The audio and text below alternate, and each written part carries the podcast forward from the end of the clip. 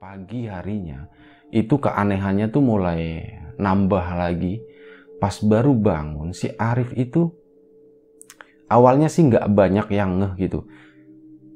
Mulai ngeh tuh setelah beberapa jam kemudian saat ada banyak eh, anak-anak uh, yang ada di kosan itu itu ngelihat si Arif itu sering banget ngaca katanya. Sering banget nggak di kamarnya Fuad dia tuh ngaca merinding uh,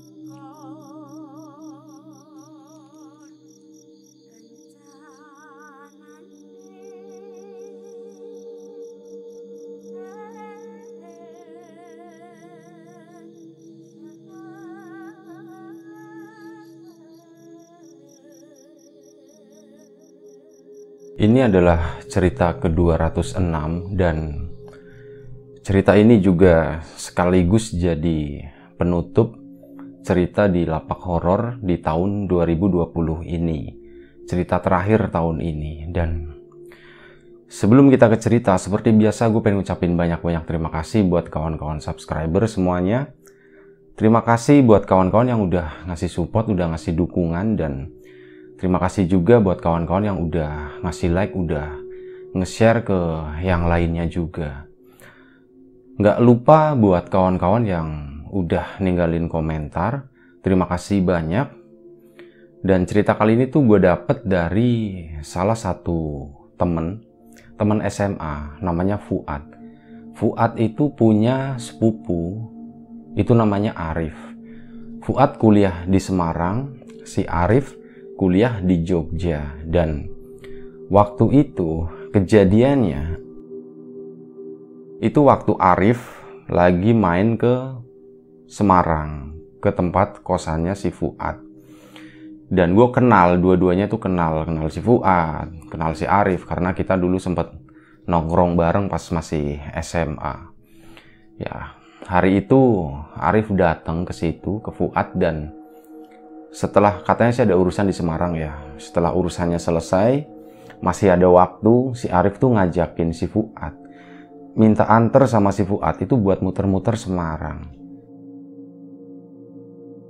Sampai akhirnya, tadinya tuh cuman mau katanya sih waktu itu ke apa ya daerah Marina sana, daerah Panturanya, daerah pinggir pantai. Tapi itu akhirnya merembet si Fuad eh si Arif itu minta yuk kita tanggung yuk kita keluar kota katanya. Ya udah akhirnya dilanjutin. Itu sampai ke Demak ke Masjid Demak. Itu yang memang pas di awal kita ke sana yuk ke Demak yuk. Jadi si Arif itu dulu pas masih SD itu pernah kayak ziarah ziarah bareng-bareng anak-anak ini ya anak-anak kecil kayak gitu. Itu ke Demak sana dan dia penasaran Demak itu Masjid Demak itu sekarang seperti apa sih? Dan akhirnya Arif itu minta dianterin sama si Fuad ayo kita ke sana yuk ke Demak gitu. Iseng-iseng. Ya udah akhirnya singkat cerita sampailah si Arif sama Fuad itu di Masjid Demak. Dan waktu itu tuh udah zuhur.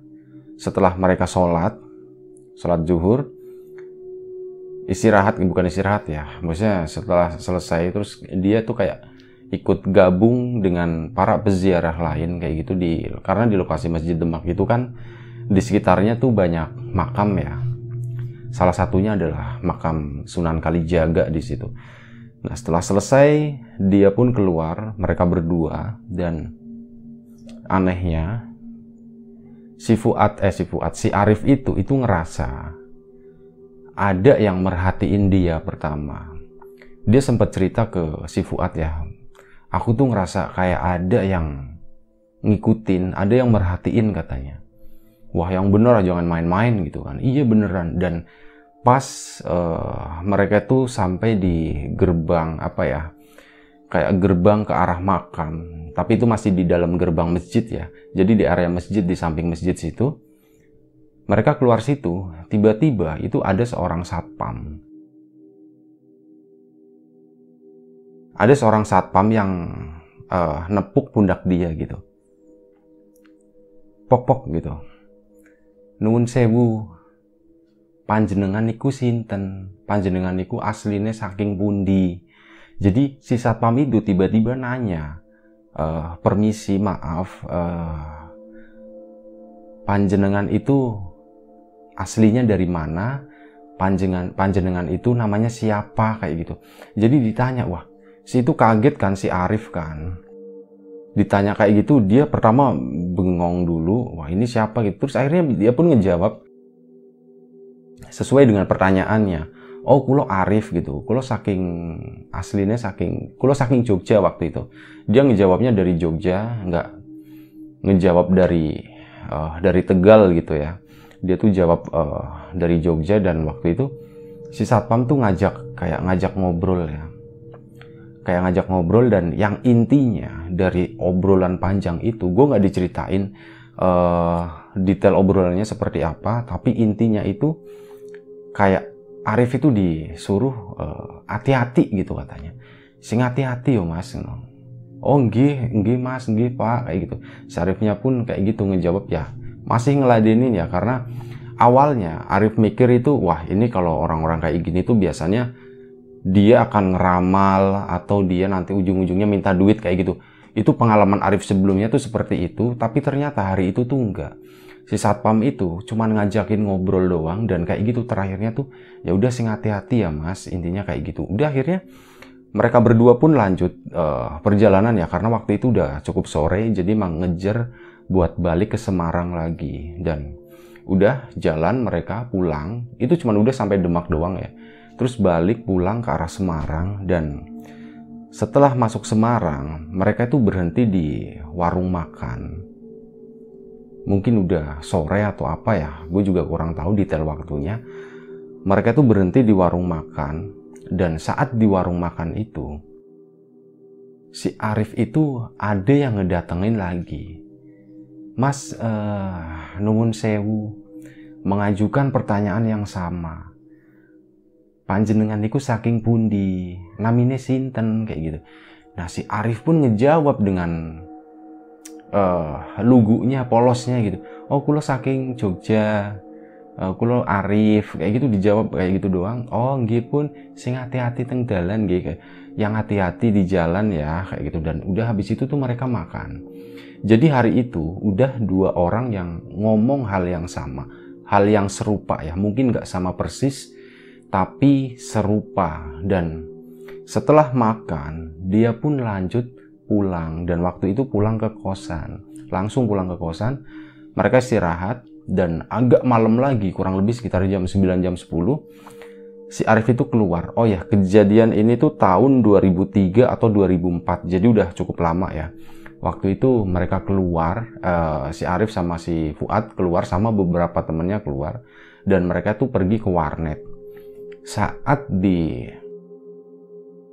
saat sampai di depan warnet itu warnet agak penuh. Dan Arif tuh kayak masih nunggu giliran dia tuh duduk sendiri di depan sambil ngerokok gitu. Dan waktu dia lagi duduk sambil ngerokok sama ada satu orang lagi yang datang.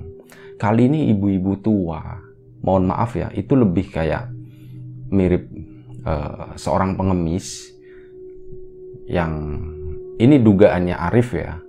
Dia yang ngelihat. Itu seperti orang pengemis dengan bajunya yang ya kotor kayak gitu. Ini mohon maaf ya. Jadi ibu-ibu tiba-tiba ngedatengin gitu. Pas ngedatengin ya Arif udah tahu wah ini pasti orang minta-minta gitu kan. Nah si ibu-ibu itu tiba-tiba nanya hal yang sama dengan dua orang sebelumnya hari itu. Nun sewu panjenengan sinten gih aslinya saking pundi? Kayak gitu diulang terus.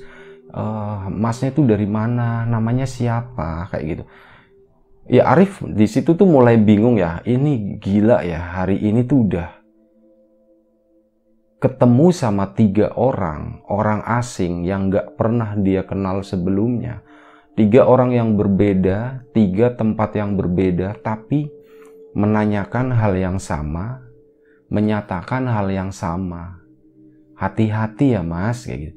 Dah itu tiga kali si Arif itu ngedenger ditanya seperti itu dan itu udah mulai agak cukup mengganggu ya dan waktu itu selepas dari warnet si Arif pulang ke kosannya si Fuad kan tidur di situ dia nah di situ si Arif tuh cerita sama Fuad At uh, hari ini tuh aku ngalamin hal yang aneh ya jadi dari Demak terus pas kita makan tadi sama tadi di warnet itu aku didatengin sama tiga orang yang nggak kenal sama sekali, tapi menanyakan hal yang sama semuanya. Di situ Fuad tuh agak bingung. Waktu di Demak, katanya memang bener si Fuad itu ngelihat Arif tuh ngobrol sama satpam, tapi tuh katanya sebentar banget. Cuman hitungan detik lah. Tapi si Arif ngerasanya sama si satpam itu tuh ngobrolnya lama. Kayak gitu. Itu yang pertama. Enggak pas di Demak perasaan kayak cuman ya kayak ngobrol kayak orang nyapa aja gitu apa kabar kayak gitu cuman gitu doang kata si Fuad ya yang ngelihat udah yang pertama itu yang satpam dan yang kedua yang di pas warung makan itu itu katanya ada ya memang ada orang yang ngedatengin tapi Fuad itu nggak ngelihat orang yang menanyakan hal seperti itu ke Arif Fuad itu ngelihatnya kayak apa ya kayak seorang pelayan atau apa gitu karena dia cuek juga main HP waktu itu dan si Arif, menurut si Arif, si Arif itu ditanya seperti itu. Intinya kayak gini, orang datang ke Arif, Fuad itu nggak ngeh, Fuad itu nggak nyadar kalau itu tadi orang yang datang ke Arif itu menanyakan hal itu. Sementara katanya si Arif, si Arif itu ditanya hal seperti itu, tiga pertanyaan yang sama, yang Fuad itu nggak nggak mengaminkan gitu ya. Si Fuad itu nggak uh, nggak nyadar atau nggak ngelihat gitu. Intinya jadinya si Fuad itu ah nggak nggak mungkin lah gitu. Orang dari tadi kita bareng terus kan terus si Arif tiba-tiba ngerasa kayak gitu itu nggak mungkin banget kata si Fuad. Ya udah yang kedua pun selesai. Dan yang ketiga yang pas di warnet itu si Fuad juga posisinya waktu itu masih di depan. Warnet nunggu sama Arif. Mereka duduk nggak jauh. Tahu si Arif tuh lagi nunggu lagi ngerokok kayak gitu. Bahkan sambil ngobrol waktu itu nunggunya. Dan si Fuad anehnya, Fuad itu nggak ngelihat ada seorang pengemis atau uh, seorang nenek-nenek tua yang ngedatengin Arif. Itu sama sekali nggak ada katanya. Itu.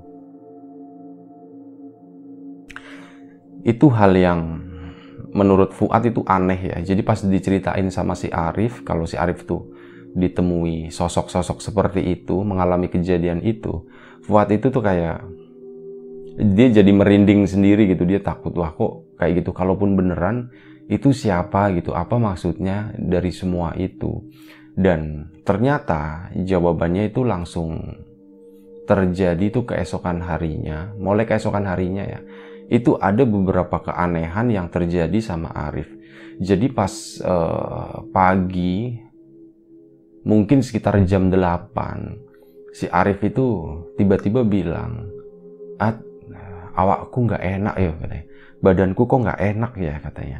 Ya ternyata si Arif itu demam demam panas banget. Dan ya boleh dibilang kayak dia sakit gitu tapi waktu itu Fuad sendiri tuh nggak mikir yang aneh-aneh bahkan Arif pun juga nggak mikir yang aneh-aneh apakah ada hubungannya dengan sesuatu yang dia alami kemarin atau enggak gitu mikirnya sih mungkin karena kecapean dia dari Jogja ke situ terus lanjut lagi ya maksudnya istirahatnya nggak cukup lanjut lagi keluar kota ke Demak, balik lagi mungkin kecapean seperti itu. Mikirnya masih positif lah. Dan demam itu tuh nggak turun. Udah dikasih minum obat biasa, sekitar dua hari demam itu tuh nggak turun. Akhirnya si Arif itu dibawa ke dokter, diperiksa dan kata dokter sih ya itu cuman kayak infeksi virus seperti itu. Dan setelah diperiksa akhirnya ya mereka pun pulang lagi dikasih obat diminum itu pun nggak sembuh sampai lima hari. Lima hari si Arif itu mengalami hal itu demam dan katanya selama demam itu di hari-hari terakhirnya hari keempat sama hari kelimanya si Arif itu mimpi itu ketemu dengan satpam ketemu dengan orang yang di restoran di warung makan sama ketemu sama uh, si mbah-mbah yang ngedatengin dia di warnet itu. Jadi tiga sosok itu itu datang ke situ ngomong, tiga-tiganya itu datang bareng gitu ya. Ditanya, "Mas, jenengan sinten?" gitu. Aslinya saking pundi, ditanya hal yang sama serupa. Dan waktu Arif ngejawab, Arif itu nyadar ternyata kalau di belakang Arif itu ada sesuatu gitu dia tuh wah ini kayaknya bukan nanya ke aku deh katanya ini kayaknya nanyanya ke di belakangnya Arif itu dan dalam mimpi itu Arif itu nengok coba nengok ke belakang tapi dia nggak menemukan apa-apa dan saat dia nengok kayak gitu nggak ada beberapa detik kemudian dia pun kebangun dan mimpi itu tuh berulang-ulang ya dari hari keempat sama hari kelima itu berulang terus seperti itu Sampai akhirnya Arif pun cerita ke Fuad ya, At, aku tuh mimpi seperti ini. Tadi ya seperti tadi dan akhirnya Fuad pun cerita kan ke teman-temannya di kosan itu. Karena itu kayak satu kosan, kayak satu rumah. Itu disewa bareng-bareng, ada beberapa kamar di sana. Ya udah akhirnya mereka tuh kayak ya bener-bener orang yang udah kenal lama gitu ya. Akhirnya udah cepet banget berita itu nyebar di situ dan ada salah satu temennya Fuad yang nyaranin At mending sepupumu itu dibawa ke ini aja deh ke orang pinter gitu kebetulan aku tuh ada temen ada kenalan dia orang pinter gitu ya udah cobain aja nggak apa-apa gitu siapa tahu memang ada yang aneh-aneh gitu kan. Karena dari pengakuan Arif sendiri itu udah mulai ya sedikit agak mencurigakan ya itu lebih ke menjurus hal mistis daripada ke hal yang medis kayak gitu. Akhirnya diundang lah si temennya temennya itu yang orang pinter tadi. Dan selepas maghrib si orang itu datang ke situ dan dikasih tahu sama si Arif kalau ya begini beginilah akan diterawang akan coba dilihat seperti apa dan setelah dicek setelah diterawang katanya si Arif itu kayak diikuti satu sosok. Satu sosok pria yang kalau dilihat secara gaib gitu ya, pakai mata batin si orang pintar itu tadi, seorang pria itu lebih mirip kayak dandanannya ya, itu kayak dandanan orang dulu, kayak orang kerajaan kayak gitu, lebih mirip kayak ya karena sosoknya itu masih muda dan sosoknya itu ganteng jadi si orang pintar itu tadi itu nyebutnya kayak itu seolah-olah itu kayak seorang pangeran kayak gitu. Katanya seperti itu pangeran dari zaman kerajaan lah pokoknya. Wah kaget gitu kan. Wah masa sih kayak gitu? Iya kata si orang pintar itu tadi. Akhirnya ya terus gimana solusinya katanya. Ya udah nanti saya coba bantu gitu. Tapi pelan-pelan ya mas pelan-pelan katanya. Udah akhirnya hari itu uh, si orang pintar itu tadi pulang si Arif tidur waktu itu dan pagi harinya itu keanehannya tuh mulai nambah lagi pas baru bangun si Arif itu awalnya sih nggak banyak yang ngeh gitu. Mulai ngeh tuh setelah beberapa jam kemudian saat ada banyak eh, anak-anak uh, yang ada di kosan itu itu ngelihat si Arif itu sering banget ngaca katanya. Sering banget nggak di kamarnya Fuad dia tuh ngaca. Merinding uh, di kamarnya Fuad ngaca saat dia ke belakang ke arah toilet di depan toilet ngaca dan ngacanya tuh bukan ya kalau orang normal ngaca paling apa ya hitungan menit gitu ya. Lah ini tuh ngacanya tuh sampai belasan menit. Dia tuh benar-benar berdiri di uh, di depan kaca sambil senyum-senyum sendiri gitu. Dan itu tuh yang lihat itu banyak. Akhirnya teman-teman yang di kosan itu kan mereka pada ini ya pada ngomongin gitu ya weh uh, At, itu sepupumu tuh aneh gitu si Arif tuh aneh ya. Kok jadi ngaca kayak gitu lama banget di belakang dan katanya ada yang ada yang lihat kalau si Arif tuh ngaca sambil senyum-senyum sendiri gitu. Kayak orang yang lagi grooming dia dandan seolah-olah dandan gitu ya. Padahal dia masih lecek masih kucel belum mandi gitu kan baru mandi eh baru bangun. Ya itu mulai rame itu akhirnya nyebar-nyebar gini. Nah dihubungi lagi lah si orang pinter tadi dan orang pinter itu pun datang siang itu ke situ uh, dilakuin kayak semacam ritual lagi lah kayak diobatin lagi. Dan lukanya sembuh ya tapi malah makin menjadi-jadi. Yang tadinya demamnya udah turun tapi demamnya jadi ini lagi muncul lagi gitu. Dan sikapnya tuh makin aneh. Si Arif tuh jadi orang yang bengong doang. Dia tuh jadi nggak ngomong diajak ngobrol sama Fuad diajak ngobrol sama teman-teman yang lain. Itu dia cuman diem aja. Nah akhirnya si Arif tadi dikasih tahu keluarganya di rumah. Seperti ini seperti ini. Akhirnya si Arif pun dijemput dibawa pulang ke Tegal sana. Dan di Tegal itu diobatin ya diobatin sama ya orang pinter lagi yang gue nggak tahu nggak disebutin namanya siapa diobatin katanya. Jadi ada dua versi ada dua pendapat tapi pendapatnya itu sama mirip. Jadi si Arif itu memang katanya diikuti sama satu sosok yang mirip seorang pangeran dari bangsa kerajaan dulu yang ya kita mungkin bisa lihat di kayak film-film ya kayak Raden Kian Santang atau apa mirip-mirip kayak gitulah. Gambarannya tuh seperti itu. Itu yang gue bayangin ya dan ada penjelasan lagi itu dari pihak yang dari Tegal itu jadi yang dari Tegal itu itu ngasih penjelasan kalau sosok ini itu tuh masih ada, masih nempel di diri Arif. Jadi sosok ini tuh kayak sosok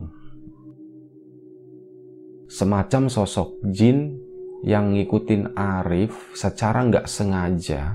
Karena apa? Si jin itu butuh satu sosok, satu badan, satu jasad, satu raga gitu.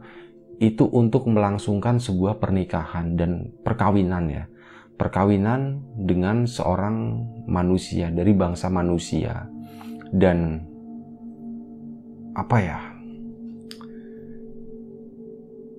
Arif lah yang akan dipakai gitu ya secara badan jadi kayak orang boleh dibilang kayak orang yang kerasukan.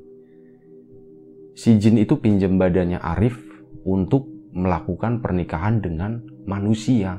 Seperti itulah. Gue juga kurang uh, kurang tahu secara detailnya seperti apa tapi secara garis besarnya itu seperti itu. Jadi si Arif itu kayak dijadiin korban aja. Cuma jadiin apa ya badannya tuh cuma dipinjem doang. Itu untuk melakukan seperti itu. Dan perkawinan itu adalah perkawinan apa ya gue istilahnya tuh perkawinan syarat gitu ya. Karena ada sesuatu yang memang di si pihak perempuan tadi itu lagi lelakon gitu. Dia lagi melakukan sesuatu entah ilmu apa atau keinginan apa seperti itu gue juga kurang tahu. Ini sorry ya biasanya banyak yang komplain uh, lo cerita tapi banyak nggak tahu nggak tahu ya. Gue cerita itu apa adanya yang gue tahu gue ceritain karena ya memang ada beberapa hal yang kita nggak semuanya tahu gitu kan kecuali sinetron ya kita tahu semuanya tapi ini dari narasumber narasumber juga nggak tahu Makanya seperti itu. Bahkan dari si orang pinter itu tadi juga nggak tahu secara detail seperti apa. Intinya seperti itu. Si perempuan ini lagi lalakon, dia itu mau melakukan kayak sebuah perkawinan dengan jin dan jin itu tuh butuh raga untuk melakukan hal itu dan Arif lah yang dipakai badannya. Kurang lebih seperti itu. Akhirnya diobatin lah, coba bener-bener dilakukan dilakukan upaya penyembuhan secara cara gaib ya. Dan setelah beberapa hari dilakukan ya terapi, terapi gaib kayak gitu, bahkan si pihak si orang pinternya ini nggak sendirian, dia jadi ngajakin beberapa temennya. Karena katanya memang ya cukup agak susah juga, udah lumayan lama ya, udah berarti udah seminggu lewat lah. Itu udah lumayan lama dan udah mulai masuk masuk masuk ke dalam katanya seperti itu. Tapi alhamdulillahnya belum terlambat. Setelah kurang lebih sekitar tiga hari dilakukan apa namanya pengobatan tadi. Akhirnya Arif pun uh, perlahan itu pulih. Dia tuh sembuhnya itu juga kayak sembuh kumat lagi sembuh kumat lagi. Jadi keluar masuk keluar masuk keluar masuk kayak gitu terus. Tarik tarikan kayak gitu ya. Dan itu tadi setelah tiga hari alhamdulillah Arif itu mulai membaik membaik membaik sampai kurang lebih sekitar seminggu kemudian Arif itu udah benar-benar kembali normal dan dari si pihak orang pintar itu tadi juga kayak melakukan upaya pemagaran lah segala macam supaya si sosok tadi itu nggak balik lagi ke Arif. Dan katanya sih yang sosok jin yang tadi yang ngikutin Arif itu udah balik lagi gitu. Cuman disebutin balik lagi ke mananya nggak tahu. Kayak gitu. Dan alhamdulillahnya Arif itu selamat. Sampai sekarang dia baik-baik aja. Nggak ada apa-apa Cuman itu tadi, dia tuh pernah mengalami hal seperti itu. Dan sampai sekarang yang menjadi pertanyaan itu di mana sih Arif uh, apa ya mulai diikutinnya? Katanya ini cuman katanya ya kata si orang pintar itu tadi kemungkinan itu diikuti dari saat dia main ke daerah Marina sana saat dia main ke daerah pantai. Allahu alam nggak tahu tapi katanya seperti itu. Itu diikutin sampai ya ke Demak, sampai ke sini ke sini. Nah, tiga orang yang menanyakan panjenengan sinten aslinya saking pundi itu katanya juga kalau yang satpam itu itu adalah orang dia memang menanyakan itu karena si satpam tadi itu bisa ngelihat ada satu sosok yang berdiri ngikutin di belakang Arif sosok yang wujudnya itu nggak wajar dan si satpam itu itu tahu kalau itu tuh adalah jin gitu. Jadi yang ditanya itu sebenarnya bukan Arif, tapi sosok di belakang Arif itu. Sementara yang di warung sama yang di warnet itu mereka adalah kayak sosok jin. Mereka uh, makhluk gaib yang mencoba menyapa sesamanya. Ya, yang Arif tuh nggak nyadar gitu. Dia tuh tetap ngejawab dikiranya tuh nanya ke Arif. Padahal bukan. Yang ditanya adalah sosok jin yang rupanya seperti pangeran tadi. Ya kurang lebih seperti itu ceritanya. Gue mohon maaf misal ada kekurangan di sana sini misal ada masih banyak kesalahan di sana sini mohon dimaafkan. Ini adalah cerita terakhir di tahun 2020 dan sekaligus gue ngucapin selamat tahun baru uh, 2021. Ya, semoga ke depannya kita semua diberi sesuatu yang lebih baik dari tahun ini. Baik itu rezeki, baik itu kesehatan, baik itu karir, semuanya lah. Yang terpenting adalah tetap sih, semoga kita semua diberi kesehatan. Sekali lagi terima kasih banyak buat kawan-kawan yang udah nontonin uh, cerita lapak horor Terima kasih buat kawan-kawan subscriber semuanya, kawan-kawan yang udah ngasih support, udah ngasih dukungan. Tanpa kawan-kawan semua, lapak horror itu bukan apa-apa. Dan gue mengucapkan banyak-banyak terima kasih buat kawan-kawan semua. Sekali lagi gue, uh, sekali lagi gue mohon maaf dan jaga kesehatan kawan-kawan semuanya. Assalamualaikum warahmatullahi wabarakatuh.